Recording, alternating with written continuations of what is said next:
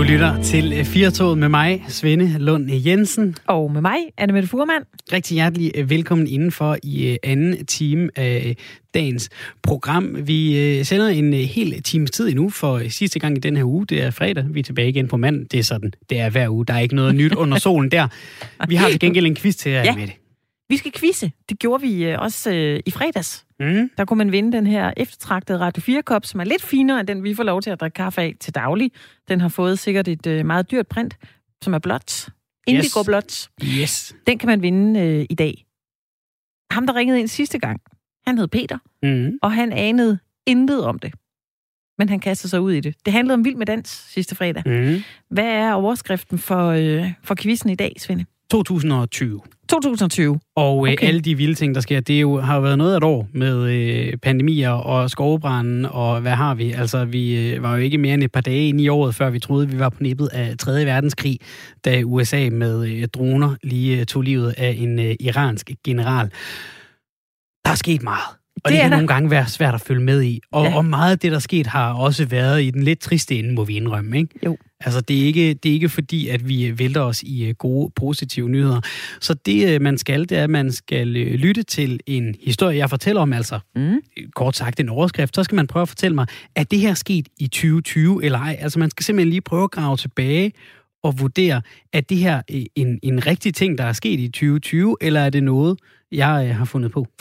Og skal man øh, have pløjet alle nyheder igennem siden januar 2020 og så til nu, eller... Øh, Nej, det behøver man hvor, overhovedet hvor, hvor, hvor, øh, hvor skal man være henne i ens paratviden? Man skal bare øh, synes, det er sjovt at quiz, og så Ja, skal man okay. være klar på at gætte lidt. Det kan du være med til, dig der lytter med til, til Firtoget. Du kan ringe 72 30 44 44, altså 72 30 44 44. Jeg synes lige, altså i, øh, i bedste lykkehjulestil er det med det. Prøv lige at Ja. sælge den der kop igen. Det kan jeg sagtens. Det er en øh, Radio 4-kop med øh, indigo blåt prins, der fylder hele koppen. Lidt finere end alle de andre kopper, og en, der er helt særlig. Man kan ikke købe den nogen steder, man kan kun vinde den rummer et sted omkring øh, 33 centiliter, måske lige en lille bitte smule mere, måske er vi oppe på, øh, på 40 centiliter. Den er god at drikke øh, kaffe af lørdag, søndag morgen, og også mandag, tirsdag, onsdag, torsdag, fredag morgen. Den er måske god at øh, snige et glas cola ind, hvis man ikke skal se børnene. Øh, Det er det gode trick. Øh, hvis ikke øh, børnene skal se, ja. Man lige har brug for cola sådan en, en søndag formiddag Ja, efter et øh, glas vin for meget eller to, ikke? Jo, jeg er sikker på, at man også godt kan drikke vin med den. Altså, øh, faktisk. Jeg Det er jeg ret sikker på, man kan, ja. Ja, Gud, det virker ikke, det kommer ikke ud af den her kop. præcis. Pokker, jeg skal have en vinkop. Du kan drikke lige, hvad du vil af den kop, hvis du har lyst. Det, øh, skal, ikke, ja. Ja. det skal ikke stoppe dig. Du kan ringe 72 30 44 44 øh, med det samme. For ja. At være med i øh, vores quiz, så øh, kommer du igennem til vores søde producer Toge, som øh, med øh, skarp øh, hånd udvælger lige præcis den, der er den rigtige person til øh, vores quiz mm. i dag. Jeg håber, der... Ja, undskyld, jeg kom til at trykke for hurtigt på knappen. Det var, håber simpelthen bare, det var simpelthen bare, fordi jeg ville lige have sagt, der er ikke quiz en hel time. Vi Nej. skal tale om andet. Ja, vi skal Vi tale om andet. om, Vi vi skal, skal have tale en, om øh, drømme. Vi skal have en kop skibet afsted, og så skal vi tale om drømme også lidt senere. Ja. Kan du huske, hvad du har drømt i nat, Anna Mette? Jeg har, tror, jeg har drømt absolut ingenting. Ja. Men øh, det er en, øh, en drømmetyder, vi skal tale med, og der, han vil tyde en af mine drømme, jeg har haft som barn, Okay. som er sådan en, jeg drømt igen og igen og igen og igen og igen, og som står knivskarp i hukommelsen. Og det er også en drøm, jeg har haft déjà vu med. Altså, så de har oplevet, hvor man lige, det har jeg oplevet før. Nå Ja. ja. det har jeg jo i min drøm. Altså ikke i virkeligheden, det var i den der drøm. Ja. Det, det synes jeg er mærkeligt, at ens hjerne kan lære noget øh, helt tilbage fra 80'erne. Mm. så kan det poppe op, og man tænker, det har jeg oplevet før. Her i 2020, det har jeg ikke. Nå, nu sidder jeg vel helt skuffet. Vi havde fået en mail fra en redaktør, som sagde, at vi skulle øh, lave det her øh, øh, drømmesnak. Og Det er fordi, vi har et program her på, på Radio 4, som ja. Ja. øh, har premiere i morgen. Man kan allerede Ja. podcaste det fra i dag.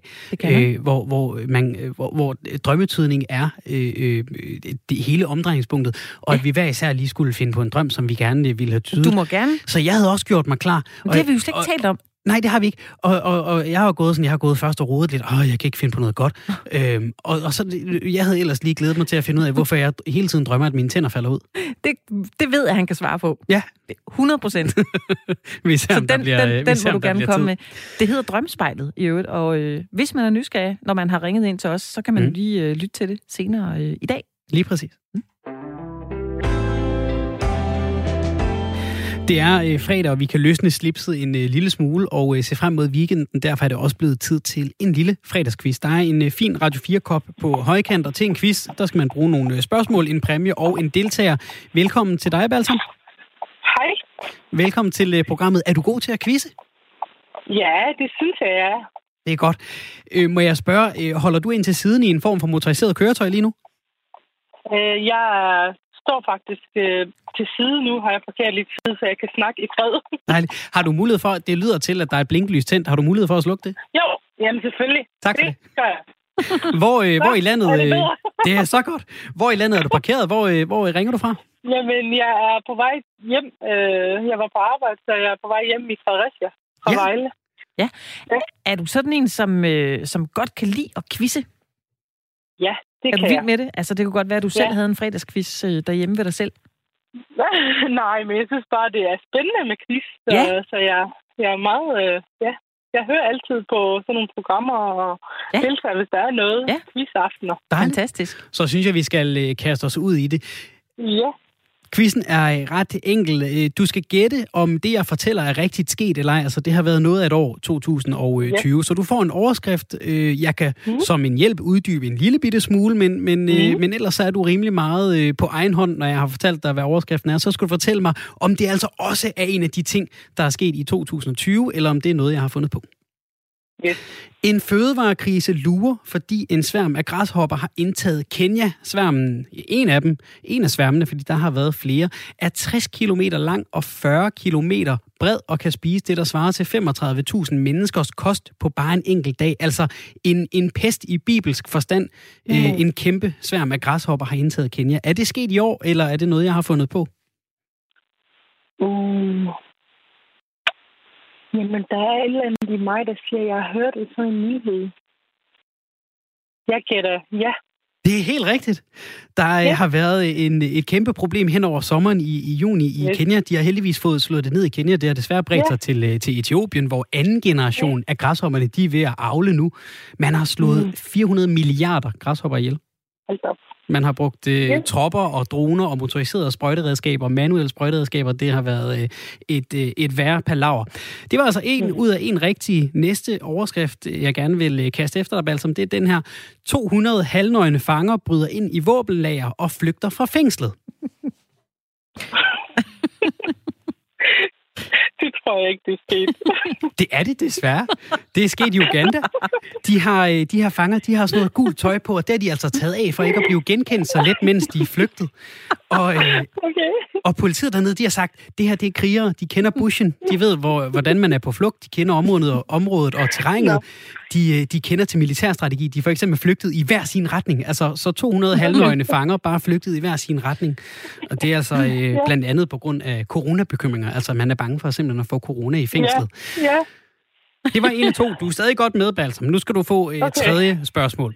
Storby indfører offentlige toiletter med gennemsigtige vægge og døre, så man har mulighed for at se, om der er nogen på toilettet i forvejen. Det er nemlig noget af det, der afholder os fra at bruge dem, at vi ikke ved, hvordan det ser ud derinde, om det er rent, eller om der er nogen i forvejen. Så gennemsigtige vægge på offentlige toiletter. Ej, det kan simpelthen ikke passe, at det, det finder sted. Det er simpelthen rigtigt. Det er i, øh, det er i Tokyo. De har fået 17 nye offentlige toiletter med øh, gennemsigtige vægge og døre. Det er øh, en, af, en af mændene bag, det er den kendte arkitekt Shigeru Bar, der står bag de her toiletter. Han siger, at øh, som, som jeg sagde før, det der afgør, det er, at man kan se, om der, er, om der er rent, eller om der er nogen derinde. Og det kan vi jo altså med gode grunde ikke se, medmindre man gør væggene og døren gennemsigtige. Men lige så snart man går ind og låser døren, så bliver det øh, til en puder pastelfarve, så, så, så bliver glasset fyldt ud med, med, med farve. Og han siger om natten, så er det en smuk lanterne. Kunne du finde på at bruge sådan Ja. et toilet, øh, Balsam? Ja, hvis man ikke kan se igennem, så er det okay. Ja, ja det, Jeg er ville, jeg ville konstant være bange for, at det gik i stykker lige den dag, jeg brugte det. Og så kunne man se mig sidde derinde. Jeg tror ikke, mig, jeg, tror ikke jeg vil være bange. Jeg tror måske, at det er de andre, de skal være bange for, hvad de ser så. Prøv at Balsam, jeg har øh, to øh, spørgsmål mere. Det første, det er det her. Øh, den er ganske kort. Polen invaderer Tjekkiet. Er det sket i 2020 eller ikke? Um, øh, Prøv, prøv at spørge igen. Jeg skal lige... Ja, Polen invaderer Tjekkiet. Jeg kan sætte lidt flere ord på historien for at hjælpe lidt. Det var øh, øh, øh, tropper ved grænsen, som var stillet op af hensyn til corona, som krydsede grænsen ind øh, til øh, Tjekkiet. Og, øh, og, øh, og, øh, og øh, der var nogle folk i en lille landsby ved grænsen, der var på vej Ja. i kirke. Så sagde de, det må I ikke. Øhm, det, tro, det tror jeg ikke. Det er simpelthen sket. Jeg hørt om nu. Det er simpelthen Er det sket. sket? Ja, det er sket. Hold De vildt. Ja. De, øh, de, her, de her vagter på, øh, på den polske grænse, de, øh, de kom til at, at krydse ind i den lille landsby Pielgrysmov, som ligger på, på grænsen. Der er bare sådan en lille markvej, der deler de to lande det her sted på, på grænsen. Og så var der Ja. altså nogle mennesker, der bare ville en fredelig tur i kirke. Det var tilbage i maj. Så, øh, så stod de polske tropper der og sagde, det må I ikke. Så gik det Ja. rimelig hurtigt, øh, diplomatien. De fik ringet fra øh, ambassaden i Tjekkiet til Warszawa og sagde, hvad har I gang i? Så fandt de ud af det, sådan så det ikke blev en stor Ja. sag. Men de invaderede altså lige kortvarigt Tjekkiet. Nå, jamen, øh, der kan man se. Der kan man se. Den sidste, øh, det sidste spørgsmål, jeg har til dig, det er øh, det her. En banan sat fast på en væg med gaffatape er blevet solgt til det svimlende beløb af 780.000 kroner. Er det sket i 2020 eller ej? Øh, jamen, der, det kan jeg faktisk... Kan du ikke sætte øh, flere ord på det? Det kan jeg faktisk Det godt kan jeg i hvert fald. det her. Det er et ja. kunstværk af den italienske kunstner Maurizio Cattelan, som øh, udstillede Mhm. det på Art Basel Miami Beach. Faktisk øh, tre stykker. Altså han lavede tre kunstværker, der var identiske. Altså ja. Bananer, der var sat fast på væggen. Øh, og de blev altså alle sammen solgt til øh, et sted mellem 780.000 og knap en million kroner. Ja. Og jeg kan fortælle lidt om, hvad, hvad, hvad en øh, kunstevaluar har sagt om det her kunststykke. Han har sagt, at det handler om betydningen og vigtigheden af objekter baseret på sammenhængen. Altså det er sådan noget, Ja. øh, øh, det, det er kunst, og det er lidt Men fjollet, det ikke? kan jeg godt huske. Det kan jeg godt nemlig huske, den historie, for den så jeg, den grin, grin vi lidt øh, af. Mm-hmm. Øhm, men det var ikke sket i 2020. for Ja, det jeg er huske, rigtigt. Ja, det var et spørgsmål. det er skarpt. Ja, det, det, det synes jeg virkelig. Det var sådan en gaffetape. Det, ting, vi, um, det kan man også bruge gaffetape til, nemlig. Ja. Nej, du har helt ret. Det er virkelig skarpt. Og ved du hvad, for den skarpe slutspurt, ja. Ja. hvor du virkelig, hvor du virkelig øh, øh, griber øh, mit spørgsmål og øh, gør lige præcis, hvad du skal med det. Jeg, har, jeg vil sige, vi har med en vinder af quizzen at gøre med det. Var 100 procent enig. 100 procent enig. Jeg har aldrig nogensinde oplevet en quizdeltager, som svarer korrekt på et trickspørgsmål på Ej. den måde. Ej. Det har jeg faktisk ikke oplevet. Det er det, der Det skal nok. honoreres. Præcis. tak, tak Hvor er det godt. Hvor er du, øh, hvor er du god. Tak, det var sidst for uh, lige inden uh, efterårsferien, så Ja. der skal man lige have lidt, uh, lidt nogle quiz der. Det er helt Det er perfekt. dejligt. Balsam, tusind tak for, at du ringede ind, og øh, Tak. have en øh, fortsat god fredag øh, på vej hjemad. Tak for det. Hej hej. Ja. Hej, hej. Anne Mette, jeg er nødt til lige at tale lidt mere om den her banan, ikke? Jo. Fordi det er jo sådan noget moderne kunst, og, og, Ja. og, og, og det, der sådan var, var ideen med den, den skulle vise, at kunst, det er op til den, til den enkelte at, at vurdere blandt andet, og den hed The Comedian, det her værk. Mm. Så altså lidt en reference også til, at i gamle dage, så var en bananskrald noget, man faldt i, i, i de gamle øh, Ja, ja. komedier. Ja, ja. Øhm, den, øh, altså, han, lavede tre, han lavede den tre gange, og de blev solgt til to gange 780.000 kroner, og en gange 975.000 kroner. Det er altså bare en, en banan, der er sat fast på en væg med gaffatape. Hvad tror du, der sker med en banan efter et par uger? Jeg gætter på, at den rådner. Det gør den. Så det, man faktisk køber, man køber ikke øh, kunstværket. Jo, det gør man. Man køber man, oplevelsen. man køber ideen om den, fordi han, han har så givet lov til, øh, manden bag Mauricio Catalan, han har givet lov til, at man gerne må skifte bananen ud. Så man bare Hold altid, op. så man altid bare kan have bananfluer i lejligheden. Ikke? Nej, han har drukket for meget vin i Radio 4-koppen og tænkt, det er et værk. Ved du, hvordan han kom Jo. på den, øh, Nej, ham nej. øh, kunstneren? Fortæl endelig, Jamen, fordi Han havde, jo... han havde i lang tid gået og tænkt, at han gerne ville lave et, altså en statue af en banan. Så han rejste rundt med en banan og hængte dem op på øh, de hotelvægge, han, altså på, på væggen på de hotelværelser, han boede på. Og så prøvede han forskellige materialer. Han prøvede øh, bronze, og han prøvede at støbe en i malet bronze, indtil han så vendte tilbage til ideen om, at det skulle være en rigtig banan. Og, og det lyder jo fjollet. Det lyder, Det lyder simpelthen fjollet. virkelig. Det lyder Det- noget, som min syvårige kunne finde på. At sætte en banan op på væggen og sige, tada! Altså, så- men og så er bananer også- er jo fantastiske. Ja. Altså, der, altså, man kan jo bruge bananer til enormt meget. Man kan også øh, skri- skrive på bananer, og det har jeg gjort en gang. Altså, vi har sådan en fødselsdagsbanan hjemme ved os. Ja. Der får man en banan, og så er det antal flag med Okay. det øh, år, man så bliver. Stærkt. Og den kan øh, noget, den der banan. Altså, det er bare et tip, jeg giver videre, hvis du skal til fest. Prøv det. Ja. Sæt flag ned, giv dem en banan. Alle griner. Og nu kan du jo så sige til, til, din, øh, til dine børn derhjemme, øh, ja, det, det er faktisk det her, der gaven. Har du nogen idé om, hvad du kunne få for den banan, hvis du sætter den op på væggen med lidt gaffatape? det, han er, han er en vild nok kunstner, ham der har lavet det, kan jeg se. Ja, det er meget Når godt man billedet google ham. Ja, altså, han har også, også engang lavet et toilet af guld.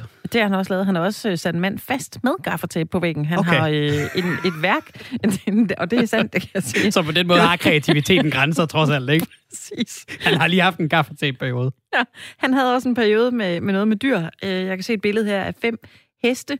Øh, Jeg tror, det er rigtige heste, der er udstoppet. Så har de fået, øh, altså uden hoveder, så er det som om, de er sat ind i væggen. Så har han også tænkt en aften, hvor han var rigtig skarp. Vi skal have et kunstværk. Forestillende en øh, ægte elefant med et lag over. Mm. Det er jo genialt. Anne Mette, ved du, hvad der skete på den næst sidste dag, den her banan var udstillet? Nej, Der var en anden performancekunstner, der kom og tog en bid af den. nej, Jo, nej. han spiste den. Vi har valgt det helt forkerte job, Svende. Det helt forkerte job. Vi skulle være kunstnere. Verden var meget værd simpelthen tilbage i 2019, hvor der var nogen, der spiste bananer til mange hundrede tusind kroner. Ja.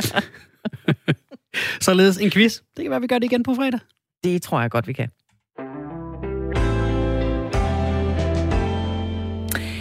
Nu skal vi snakke om øh, drømme. Mm. Og øh, er du sådan en, der kan huske alt, hvad du drømmer, Svende? Jeg har nogle gange lidt svært ved at øh, lige komme i tanke om, hvad det er. Altså, det, det, kan, det kan gå lidt op og ned. Nogle gange så er det meget tydeligt for mig. Faktisk, det jeg ofte oplever, det er, at jeg, at jeg er meget bevidst om, i, altså, hvad jeg drømmer, mens jeg drømmer det.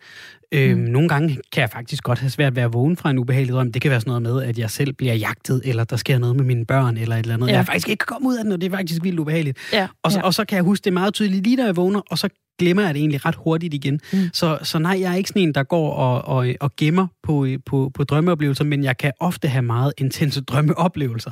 Mm. Så du kan godt huske det. Ja, det kan jeg godt. Kender du det der med, at man har haft så god en drøm, og så vågner man, og så er man super ærgerlig over, at det bare er tirsdag morgen. Uh, ja, man vil så gerne falde i søvn igen, og så gå tilbage til den samme drøm, fordi alt var godt. Jeg har spillet øh, mange landskampe. Jeg har øh, vundet mange øh, lotto-millioner. Jeg har er blevet gift med mange flotte skuespillere gennem tiden, hvor, øh, hvor jeg gerne vil vende tilbage til lige præcis den drøm, men den kommer aldrig tilbage. Ew. Ja, vel. Der er jo nogen, der... Øh, jeg leger sådan en leg med min øh, ene søn hver aften, inden vi skal sove, så øh, tænker vi på tre ting, vi Ja. gerne vil drømme om, og så gælder det selvfølgelig om at virkelig fokusere på, det her sker. Det er aldrig sket for mig endnu, Nej. men vi leger den hver aften. Øh, han, det er heller ikke sket for ham. Nej. Men det er en meget sjov leg Ja. at tænke på, hvad man, øh, hvad man gerne vil drømme. Og hvor gammel er din søn nu? Han er 11, den Så- ene. Det kan jo være, at nu bliver han jo snart øh, teenager. Ja. Så kan det jo godt være, at du måske håber på, at han holder lidt igen med, hvad han rigtigt håber på at drømme om i løbet af natten. Det er fuldstændig korrekt. Det er også øh, Det havde du ikke kun tænkt ham, over, jeg se leger på den her drøm. Jeg har jo en søn på 13,5. Ah, den leger leger ikke øh, drømmelejen. Nej, det er kun mig og min yngste søn. Men her på, på Radio 4, der kan man jo faktisk fra på søndag tjekke ind på kanalen mellem klokken 9 og 10, og så kan man øh, lytte til det program, der hedder Drømmespejlet. Det er med forsker i ubevidst intelligens og drømme, Michael Rode, og hans øh, medvært, journalist Cecilie Sønderstrup, der i, øh, i hvert program giver øh, et indblik i den her nyeste forskning omkring drømme. Der Mm. er nyheder fra drømmenes verden, Mm. og så er der også en brevkasse tilknyttet, hvor man kan, kan skrive ind, og må ikke der bliver en, en drømmetydning. Lige nu skal vi tale med, med Michael Rode her i Firtoget. Velkommen til dig, Michael. Tak for det.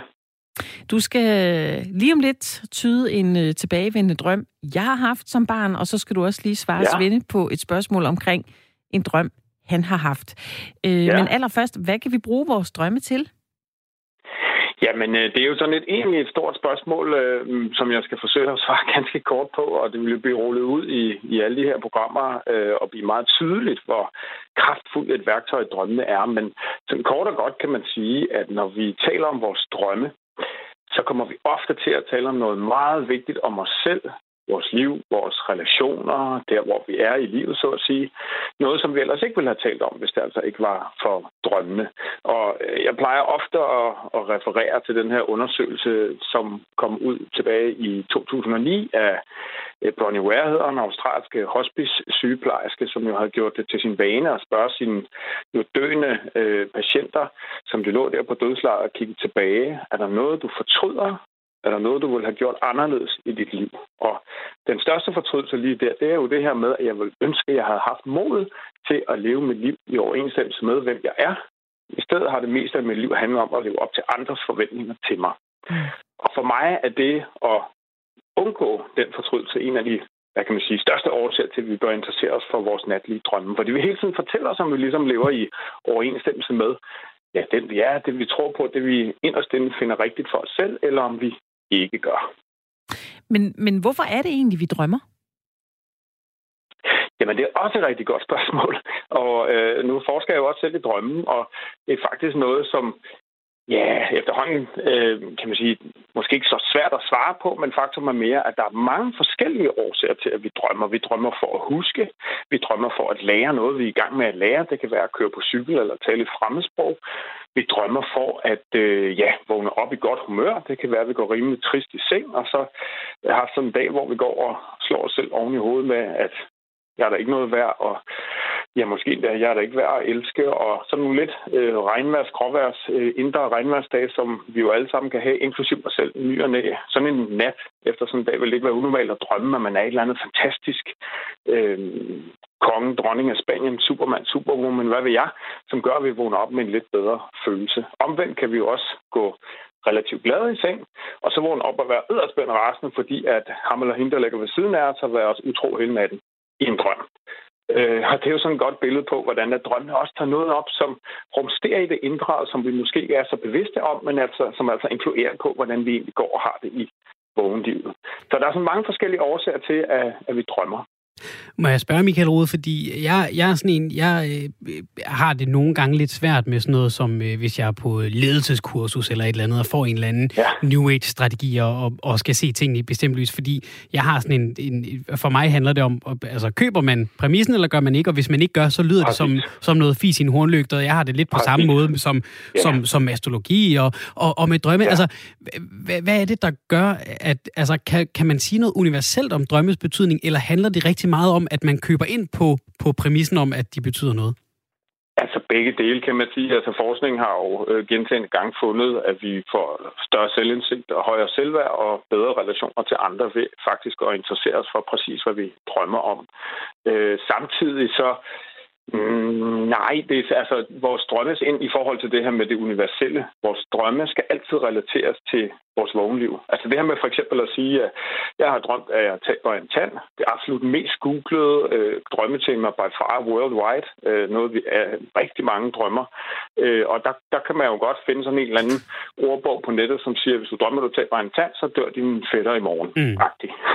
og det for mig er, at, altså det er hokus pokus, ikke? Mm. Øh, fordi det, man jo totalt glemmer der, det er sådan drømmerens livssituation. Det, som jeg kalder linket til vågenlivet. Altså drømmen skal altid sættes i relation til dig, der hvor du er, det der sker i dit liv.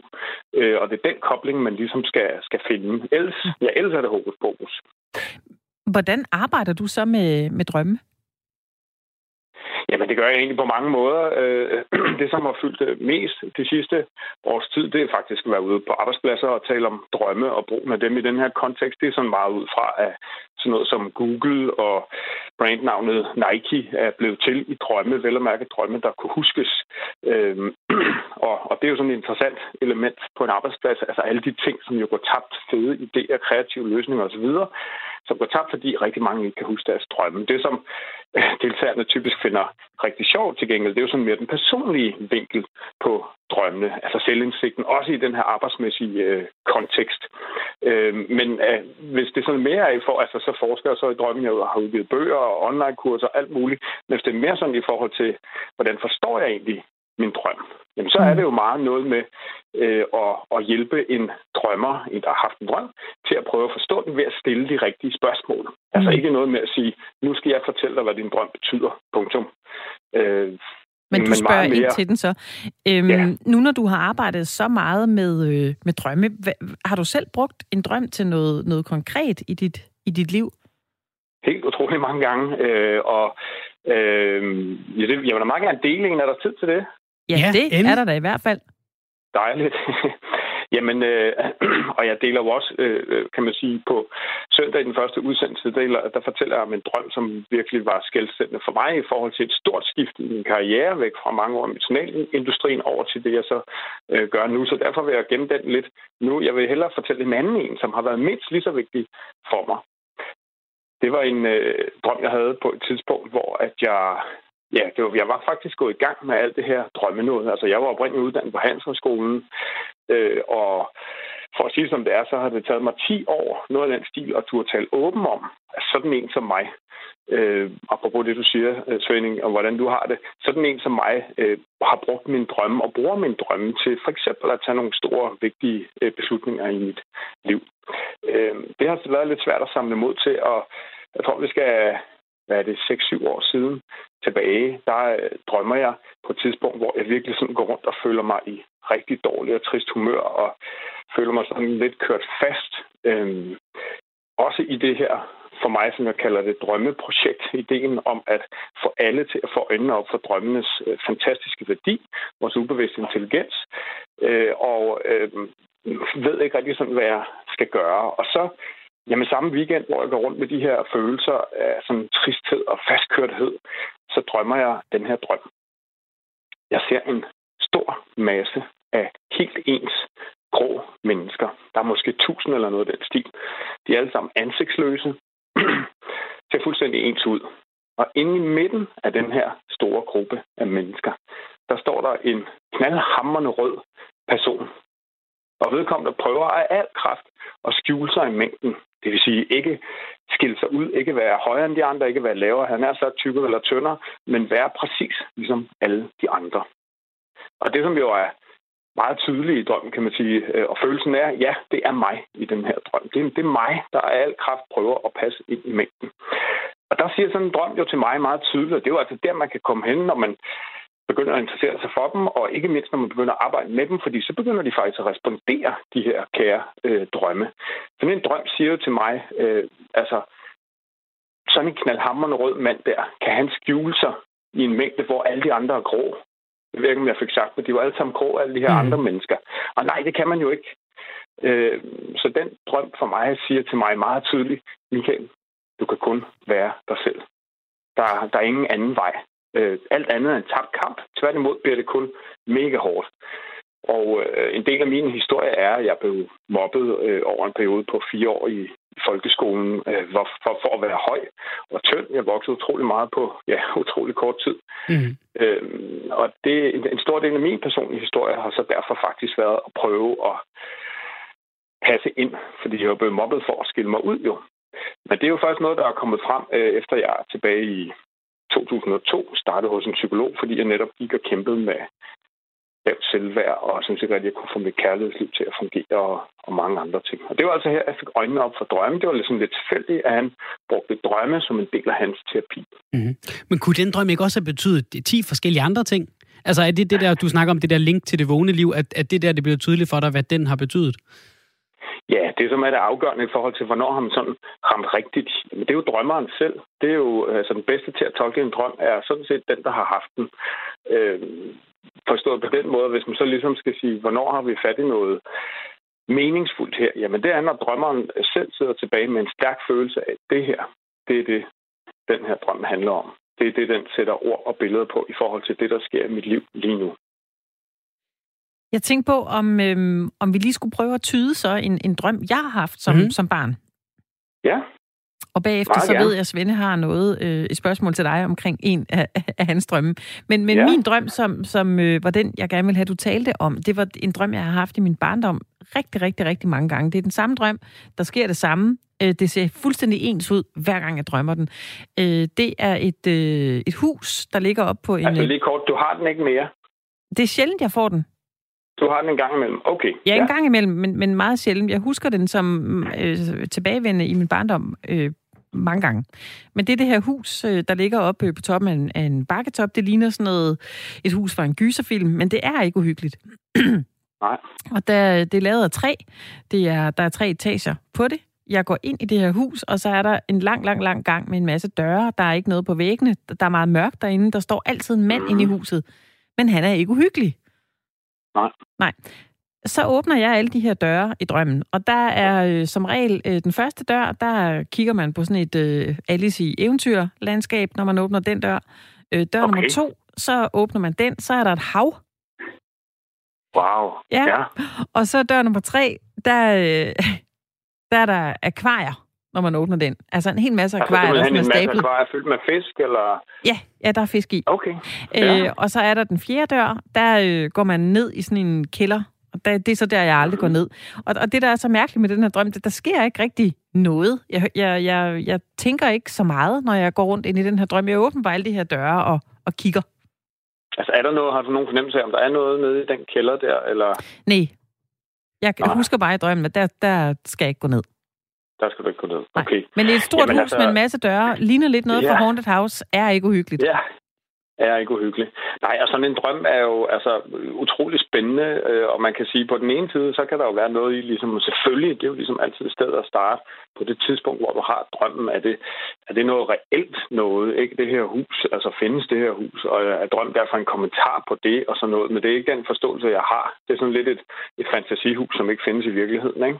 Jo, øh, altså ja. udenpå ligner det et helt normalt hus. Nå, okay. Ja. Ja. Øh, ja, så kan det selvfølgelig være interessant at sige, altså, at dit hus, du har nogle association til, altså, som du kender, øh, og det kan måske så være svært at huske i forhold til, at det måske for nogle år tilbage. Øh, men i og med, at du har haft den sådan for barnsben af, så for det første, så har jeg jo en, en stærk øh, fornemmelse af, at du har et helt utroligt stærkt, øh, drø- rigt drømmeliv, som du virkelig kan få meget ud af at gå ind i, hvis, hvis du vil, ja. øh, som det første. Øh, det, er jo en, ja, det er jo en kæmpe gave, synes jeg. Øh, og, og det næste kan så være noget med at begynde at tale om, jamen, det her hus her, i, i drømmen, når sådan nogle huse optræder, så, så, så kan de være, øh, apropos det her med øh, universelle drømmebilleder, og derfor står øh, streg under øh, kan. Øh, det kan nogle gange være billeder på os selv, vores identitet, den, den vi er. Altså lidt eller det her med de trygge vi, fire vægge, jeg, jeg føler mig hjemme i. Altså den identitet, øh, jeg føler mig hjemme i. Mm. Hvorfor man nogle gange kan drømme om øh, rum i sit eget hus eller lejlighed, som ikke er der i virkeligheden, som man i en drøm pludselig opdager, som så derfor kan ses og tolkes som øh, nye sider, andre sider af ens personlighed. Ja.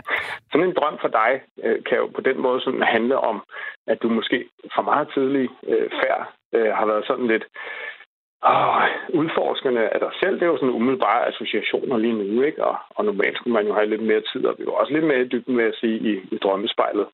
Øh, men altså sådan en drøm kan for mig sådan lidt kommentere på. Her har vi en pige, som, som i sit indre øh, øh, allerede er i gang med sådan en, en indre øh, udforskning.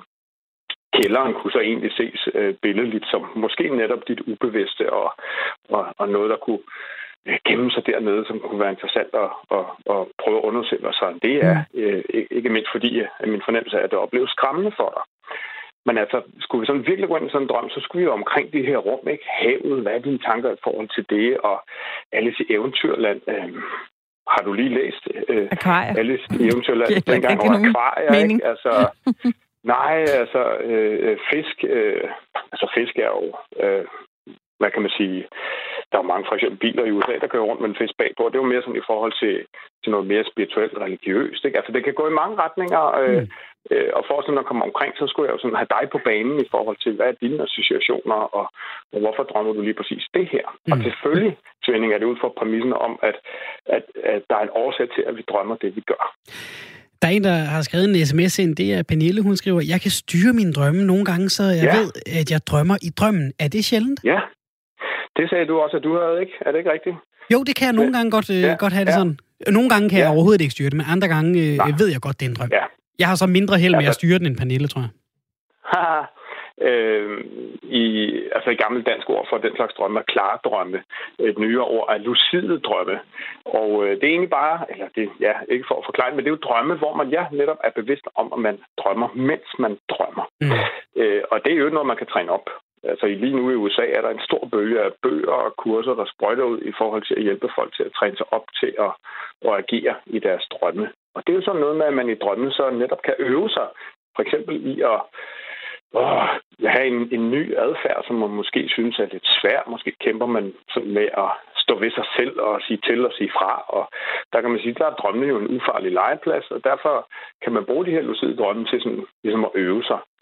Øh, og så kan man jo i øvrigt komme til, og han er sagt, hvis man bliver rigtig god til at drømme om det, man rigtig gerne vil drømme om. Og der, apropos jeres tidligere nu, snak, nu siger du, man kan blive god til det. Altså, jeg har leget den her leg ja. et helt år med min søn, hvor vi snakker om tre ja. ting, vi gerne vil drømme om. Jeg føler mig ikke særlig ja. god til det, fordi jeg drømmer aldrig det, jeg har fortalt, jeg vil drømme om. Nej. så hvornår bliver jeg god huske, til det? Kan du huske dine drømme? Øh, Sådan, Nej, altså, altså, ja, nogle gange drømmer, jamen, ja, det ved jeg ikke. For det, det, er jo, det er jo egentlig bare for at starte med det, ikke? Altså, det kan jo godt være, at du lige nu øh, er et sted i dit liv, hvor du øh, har knap så god kontakt til det ubevidste. Ja, det kan være. Jeg kan i hvert fald ikke huske noget lige for øh, tiden. Øh, nej, altså, når jeg øh, og, og, og der er jo selvfølgelig en masse at, at gøre der, ikke? Apropos noget af det, du, selv, du sagde tidligere, Svending, altså når du vågner og har en drøm i hovedet, så er det jo noget med ligesom at komme ind i en vane med at starte og, og ja, dokumentere drømmen. Og, mm. og der er det jo min klare anbefaling øh, at indtale den Altså, de fleste ja. smartphones har en diktafonfunktion, ikke? Frem for at skulle skrive ned og alt det her, tænde lys midt om natten, og jeg ved ikke hvad. Ja. Øhm, Men hvis man altså, ikke drømmer det, ret meget, har man så ikke kontaktet sin underbevidsthed? Er det det, du siger? Altså, nu kan man sige, at der er mange måder at ligesom øh, tune ind på den på. For eksempel også via meditation, yoga og den slags ting, øh, hvor man jo kommer sådan mere i kontakt med noget mere intuitivt, som drømmene jo også meget er, er udtryk for. Øh, men, men altså grundlæggende, ja, hvis man ikke kan huske øh, drømmene, så, så har man i hvert fald ikke øh, særlig god kontakt til sit ubevidste. Øh, og, og det kan man blive bedre til. Og det er jo altså andet og mere end at og ja, bare skrive dem ned, som sagt. Og det kan være så simpelt som at sige, at jeg vil rigtig gerne huske min drømme, når jeg vågner. Og det kan måske være noget for dig og din søn, og ligesom, når I har den her synes jeg jo et super dejligt snak om aftenen, om ikke andet, så siger du i hvert fald noget om, hvad, hvad I har ønsker lige der, og det er jo en meget god, dejlig og intim situation, synes jeg, øh, som mor og søn. Øh, men så kunne det måske afsluttes med sådan arbejde på at have en følelse af rigtig, rigtig gerne og vil, vil kunne huske drømmen. Ja, det vil jeg prøve. Tune ind på den. Ja. Tusind tak til dig, Michael Rode, for at være med her. Jeg ville jo egentlig gerne have fortalt om min drøm. Nu kan jeg høre, at jeg er en af den grå masse, der bare drømmer, at mine tænder falder ud, fordi det var faktisk det, jeg, øh, jeg havde taget med i dag. Okay, jeg vil, okay. Øh, Jamen, jeg vil lytte med til, ja. Øh, til Drømmespejlet på søndag kl. Ja. 9, og allerede nu, så kan man faktisk finde udsendelsen på Radio4.dk eller i Radio 4's app, hvis man simpelthen er for nysgerrig. Tusind tak for, for snakken og rejsen ind i Annemettes drømmeverden. Jamen, velbekomme og lige måde. Tak. Hej.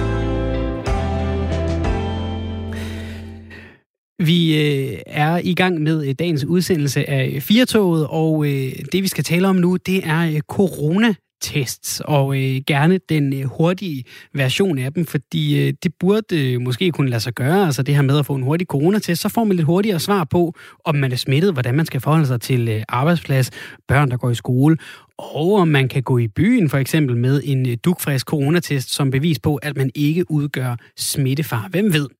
Det mener øh, Ulf Bæk Christensen, han gør til Berlinske, der fortæller han om sit arbejde hos virksomheden Pentabase med at udvikle og optimere coronatests til at give endnu hurtigere svar, så vi undgår flere nedlukninger. Hurtigere svar er lige med mindre nedlukning, lader logikken til at være, og det giver jo god mening, for med hurtigere vidsthed, så er det altså kun dem, hvor det er øh, tingene nødvendigt, at de skal øh, blive hjemme. Velkommen til dig, Ulf Bæk Christensen. Jo, tak. Du er direktør og stifter hos Pentabase.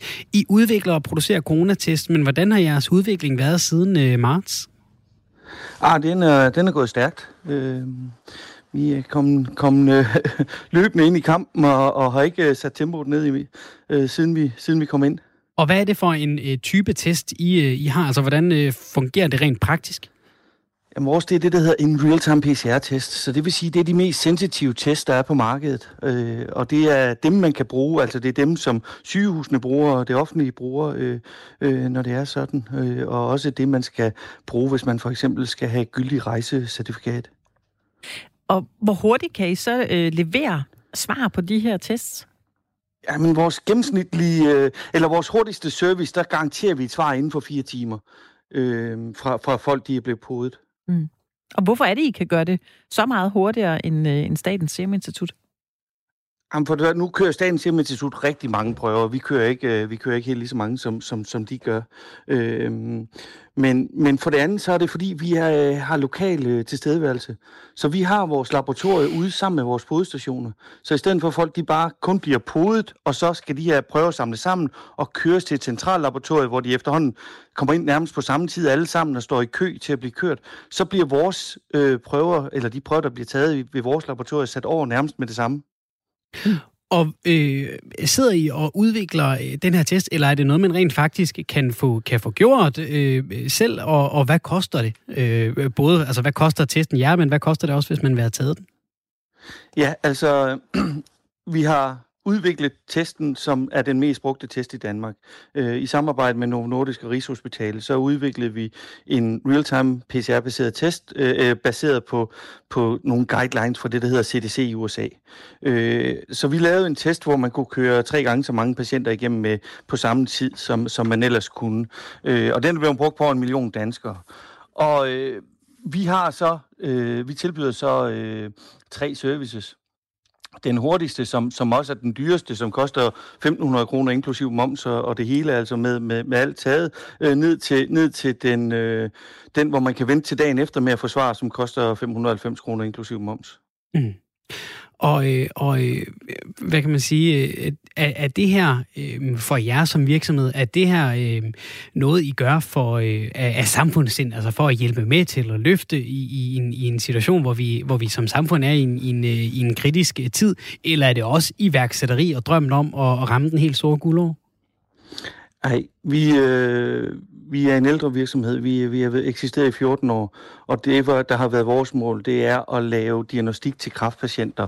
Øh, og det gør vi fordi vi har sådan en kunstig DNA-platform, hvor vi kan analysere naturligt DNA meget mere sikkert og, og, øh, og være sikre på resultaterne meget mere sensitivt. Da den her coronaepidemi den ramte Danmark, så, øh, så ville vi gerne hjælpe og øh, derfor så, øh, så råbte vi højt om, at vi kunne hjælpe. Og heldigvis så hørte Novo vores øh, opkald efter, efter vi havde været lidt i medierne med ikke at kunne komme igennem, mm. øh, og udviklede sammen med dem den her test. Og det var egentlig at, at levere de første 800.000 test til, til Danmark. Øh, øh, hvad kan man sige, på et niveau, hvor vi ikke, altså vi tjene, begyndte at tjene penge, men det, det var der jo ikke nogen garanti for. Vi fik aldrig, altså vi kastede alt ind, og uden nogen garanti for nogen betaling, heller ikke vores udgifter, øh, når det var sådan. Det er klart, nu er vi blevet en af de største i Danmark, og vi tjener penge i dag. Det er der ingen tvivl om. Men vi gør det, vi, når vi fortsætter i coronasporet, så er det fordi, jeg virkelig mener, at Danmark økonomisk bliver ramt for hårdt, hvis ikke vi får mulighed for at åbne op, mm. åbne samfundet ordentligt op og holde det kørende. Øh, så, så, så vi vil virkelig gerne vise, hvad der kan lade sig gøre. Vi vil gerne vise andre veje end bare nedlukning til, hvis der kommer øh, en smittestigning.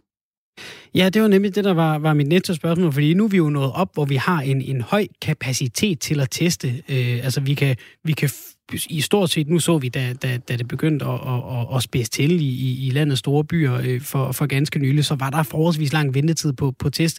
Udover det, hvad er så, øh, du er lidt inde på det her, hvad er det gode argument for, at det vi skal fokusere på nu, det er hurtigere svar? Jamen, der, der er to ting, der gør en coronatest god. Det er det, det er sensitiviteten af testen, og det er hastigheden af testen. Hvis vi har en rigtig høj sensitivitet i testen og en hurtig hastighed, så kan vi stoppe smittekæder, inden de starter. Altså vi kan stoppe smitten, inden man kan sprede sig. Vi kan detektere folk, der er syge to til fire dage, før de kan smitte andre. Så det nytter ikke noget, at man får, at dels man skal vente på en test, og så skal vente på sit svar også, fordi inden man får svaret, vil man potentielt kunne smitte andre. Det vil sige, at man, man, man er nødt til at leve an på, at folk skal leve i isolation i lang tid. Mm. Så det hurtige svar, den sensitive test, kan gøre, at vi kan stoppe smittekæderne og få smittetrykket ordentligt ned. Men hvad skal der til for, at øh, alle kan få, få adgang til hurtige testsvar? Jamen, der skal det ind over det offentlige, hvis det er sådan. Så er vi nødt til at, at, at, at samarbejde med det offentlige om at få, få øh, hurtigere testsvar. Altså, vi gør det jo øh, en del med især øh, de københavnske hospitaler, hvor vi har i samarbejde med, med dem har sat øh, hurtige tests op på, deres, på sygehusene også. Mm. Øh, vi gør så vores ved at fokusere øh, og, og hjælpe private virksomheder med, at de kan holde deres virksomheder kørende med, med at give hurtigere svar til deres medarbejdere. Teste dem jævnligt, hvis det er, de har et vigtigt projekt, sådan, så der ikke kommer smitte ind på deres virksomhed. Og sådan nogle forskellige scenarier. Altså prøv at finde løsninger sammen med, sammen med de her virksomheder, så de kan holde sig kørende. Og kan jeres øh, virksomhed levere de her testmuligheder uden investeringer fra, fra offentlige eller private investorer?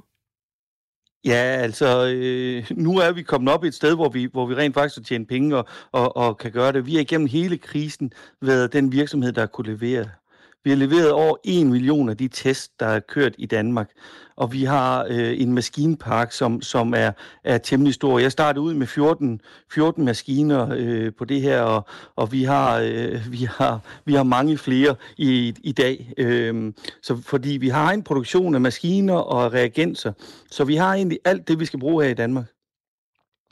Men hvorfor har det så taget øh, så længe at udvikle en, en hurtig test? Jamen, det har ikke taget længe. Den har været hele tiden. Øh, så, så vi har haft den, vi har haft den mere, jeg vil ikke sige fra dag et af, fordi det tog øh, min fantastiske øh, forskningschef Rasmus øh, øh, tre til fire uger at udvikle testen her. Øh, men fra den var udviklet, så har vi egentlig kunne gøre det her. Så er der en masse logistik, der skal, der skal på plads. Altså det her med, at man kan øh, bygge podestationer op tæt på laboratorierne. Det er noget nyt, jeg har indset, at det offentlige ville ikke flytte ud, sådan så laboratorierne kom tæt på borgerne. Det vil de nok gerne for de syge personer, der er indlagt på hospitalerne. Der vil de godt øh, køre for hospitalerne. Men for, for den generelle borger, der skal ud og rejse, eller for den virksomhed, der har behov for at få testet sine medarbejdere, der, der, der har de ikke en løsning endnu, og jeg har ikke set nogen på tegnebrættet. Så derfor har vi begyndt at sætte laboratorier op ude omkring i landet, så transporttiden den bliver fjernet af den ligning her. Må jeg spørge dig, Ulf Bæk Christensen, direktør og stifter af Pentabase, altså nogle af dem, der står, der står bag de coronatests, vi, vi bruger i Danmark lige nu. Hvis vi skal prøve at se et år frem, og, og, og der, er et, der er jo et, et, et worst case scenario, som er ret realistisk, som hedder, at der fylder corona stadig en del i vores hverdag. Hvad er så et best case scenario for den måde, vi tester på, hvor hurtigt vi har svar, og, og hvad, vi kan, hvad vi kan gøre sådan rent øh, teknologisk for at, at, øh, føle os sikre på, at vi ikke går rundt og er coronasmittet? Best case scenario, det er, at vi har fået udviklet øh, teknologier og metoder til at holde holde virus ude af vores samfund, eller i hvert fald få, det isole- få folk isoleret så snart de, øh, de bliver smittet. Der arbejdes på rigtig mange fronter, altså det kan være øh, fra test af spildevand til, at man kan se, om der er nogen i området, der har, der har coronasmitte, til, til elektroniske øh, ting, der kan gøres, og, og det, øh, det vi fokuserer på i Pensabase, det er at levere de bedste tester, de hurtigste tester, den bedste service sådan til, til, til folk, så der bliver mindst muligt sådan øh, behov for ændringer af dagligdagen fra den, vi kendte før corona. Og nu, øh, nu nævnte du også selv det her øh, coronapas, altså selve det her med at, at få svar og, og finde ud af, hvor kan man finde svaret hurtigst osv. Øh, I forhold til det, og i forhold til at kunne fremvise øh, bevis på, at man ikke har corona, hvor, hvor er vi så henne i forhold til en smart løsning på det?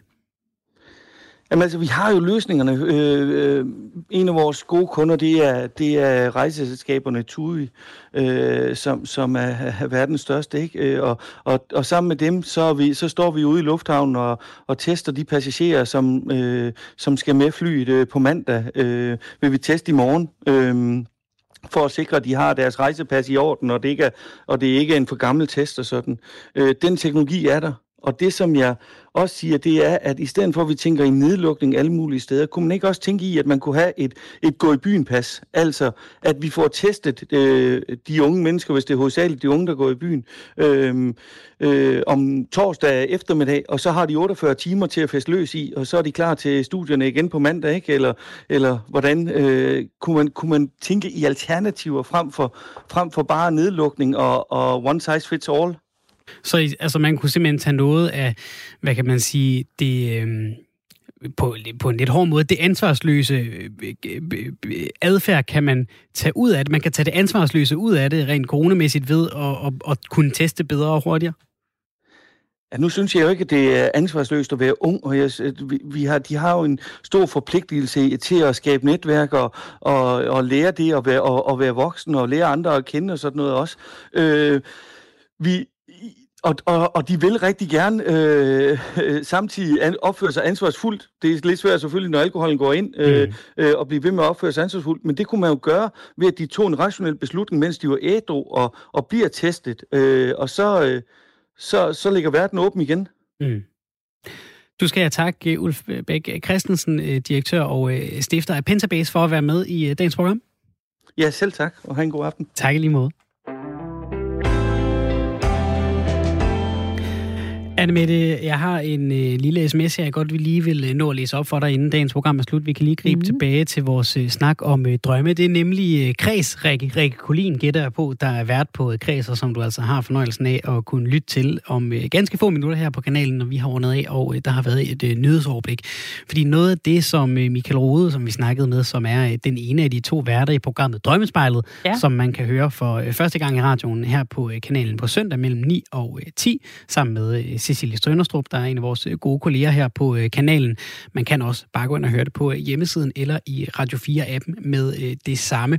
Han sagde, at man kunne, man kunne lige bruge sin diktafon på sin smartphone til ja. at få dokumenteret sine drømme. Og det, ja. har, det har Rikke gjort her. Hun har skrevet ned øh, følgende, efter hun havde drømt det, så, så på en, en måde godt lige at få bevaret, hvad, hvad det er, der er blevet drømt. Hun ja. skriver, min hjerne trænger vist til ferie. Og nu kommer drømmen. Arbejdet inde i en form for tank, der mindede om en vulkan. Pludselig havde jeg ikke kontrol over den mere, og så måtte flygte derfra med livet i behold, mens lavaen trak op. To mænd havde begået et grusomt mor, og jeg var med til at fælde dem. I et flashback så jeg, hvordan de blev arresteret. Det var en vild mission. Så mig hele tiden over skulderen det næste stykke tid, for var bange for, at de undslap. Så gik jeg på et form for gymnasium et stykke tid. Blandt andet var der en form for udendørs arrangement langs en mur, hvor jeg satte mig ved siden af Brian Mørk, og min ven Emil var på den anden side. Det var en klar fejl at sætte sig der. og, og det lyder jo skørt, men, men sådan er mange af mine drømme også. Altså ja. Øh, mange forskellige, meget voldsomme, dramatiske situationer, og så som Rikke, så går man bare i gymnasiet bagefter, og så sker der noget andet der, og det hænger sammen, men det har jo intet med hinanden at gøre. Nej. Jeg tror, jeg skal lytte til, uh, til Drømmespejlet. og have en diktafon, og måske en lille lommebog, du lige kan notere dig i. Og en psykolog på speed dial, ja. tror jeg også. Jeg kan simpelthen ikke komme over, at uh, jeg troede virkelig, jeg var unik, og, og skulle virkelig have den store tænderne. udredning. Ja, at jeg drømmer, at mine tænder falder ud. Det har jeg da også drømt masser af gange. Jamen, det vidste jeg ikke, at det simpelthen bare var det helt øh, mest lav på sig sagt oh, inden for Du har læst alt, alt, alt for lidt dameblad, kan jeg sige dig. Fordi der er altid noget med de tænder, når der er en eller anden drømmetyder. Altid, altid siger de. Nå, hvad, hvis du drømmer, du står i øh, bare røv på rådhuspladsen, hvad betyder det? Du ved det her med, at man er en pinlighedsdrøm. Mm. Øh, eller det med tænderne. Ja. ja, der er også noget med håret. Der jeg synes da overhovedet ikke, du skal øh, sidde og, og dømme mine drømme, dig og dit øh, Alice, Alice i Eventyrlandhus, der ikke engang er farligt. Så er der en kælder, der er aldrig gået ned. Du har drømt den, siden du var barn. Du har aldrig gået ned i kælderen. Nej. Kom nu. Det er det, drømmen går ud på. Lev lidt. Drøm ja. lidt. Det kan være faktisk, nu når vi har talt... Ja, live a little. Det kan være, Nå. nu når vi har talt om det. Så jeg vil prøve at tage det med i aften, når jeg skal sove, og vil jeg lege lejen med min øh, søn. Så, så vil jeg drømme om det her haunted house, der ikke er uhyggeligt. Så drømmer jeg, at jeg specifikt går ned i min underbevidsthed. Kunne du ikke også høre, at Michael blev chokeret over det der med, at kælderen bare havde ingen betydning for jo. dig? Du var helt ligeglad. Du var slet ikke spændt på den der kælder. Den er lukket. Jo. Det er din underbevidsthed. Nej, det er, det er bare en kælder, der er lidt, lidt uhyggelig. jeg kan dele den på, øh, på mandag i Firtoget. Det kan være, at, øh, at jeg går derned i weekenden. Hvem ved? Har du nogensinde øh, boet i et hus med kælder? Øh, nej, heller ikke det. det, er måske, det er måske det, det er med det. Er, det er en, en, en stille drøm om en dag at få et hus med kælder. Med kælder. Ja, hvem ved, hvem ved. Din drøm betyder, at du mangler opbevaring. Det er det, det gør. Til mere rod. Jamen, øh, det er noteret. Jeg vil lytte med. Måske, betyder, måske betyder havet, at øh, du er bange for så at få vandskade, når du en dag får en kælder. Hold nu op. Hold nu op. Jeg Fordi du bare din drøm med dine tænder. I øvrigt, så tager jeg mig af min underbevidsthed og kælder og, og havet. Vi skynder os hjem og, øh, og drømme, så vi har noget at tale om øh, på mandag også. Tusind tak for, at øh, du har lyttet med derude. Tak for, at øh, du har øh, skrevet og øh, ringet ind. Det er altid en fornøjelse at høre fra jer derude. Bliv endelig hængende her på øh, kanalen, hvor der er øh, om et øjeblik kreds med den også livligt drømmende Rikke Kolin, og så er der naturligvis også et øh, nyhedsoverblik inden længe. Tusind tak for i dag. God weekend.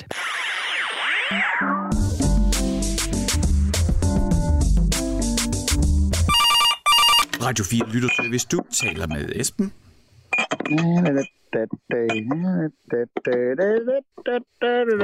Luft.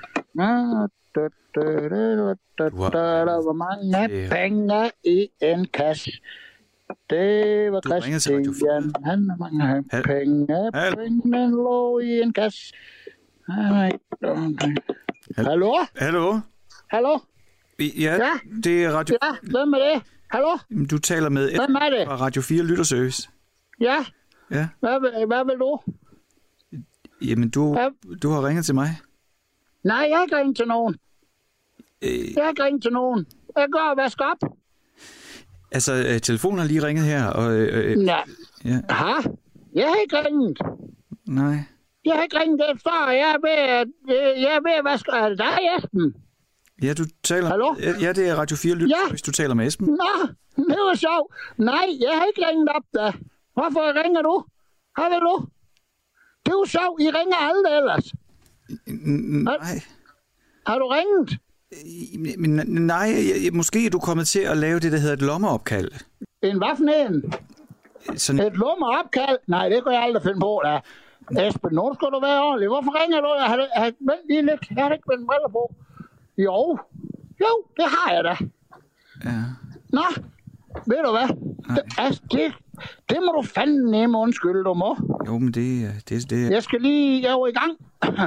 Jeg var ved at på, hvad her det var, øh, vaske op. Ja. Så, ja. jeg, ved du hvad, jeg ringer en anden dag, hvis jeg har noget, jeg synes, der er sjovt, og og vi kunne snakke om, der var træls. Ja. Ikke også? Jo. Jeg skal videre herfra. Ja. Ikke? Jo, hej. Godt, hej.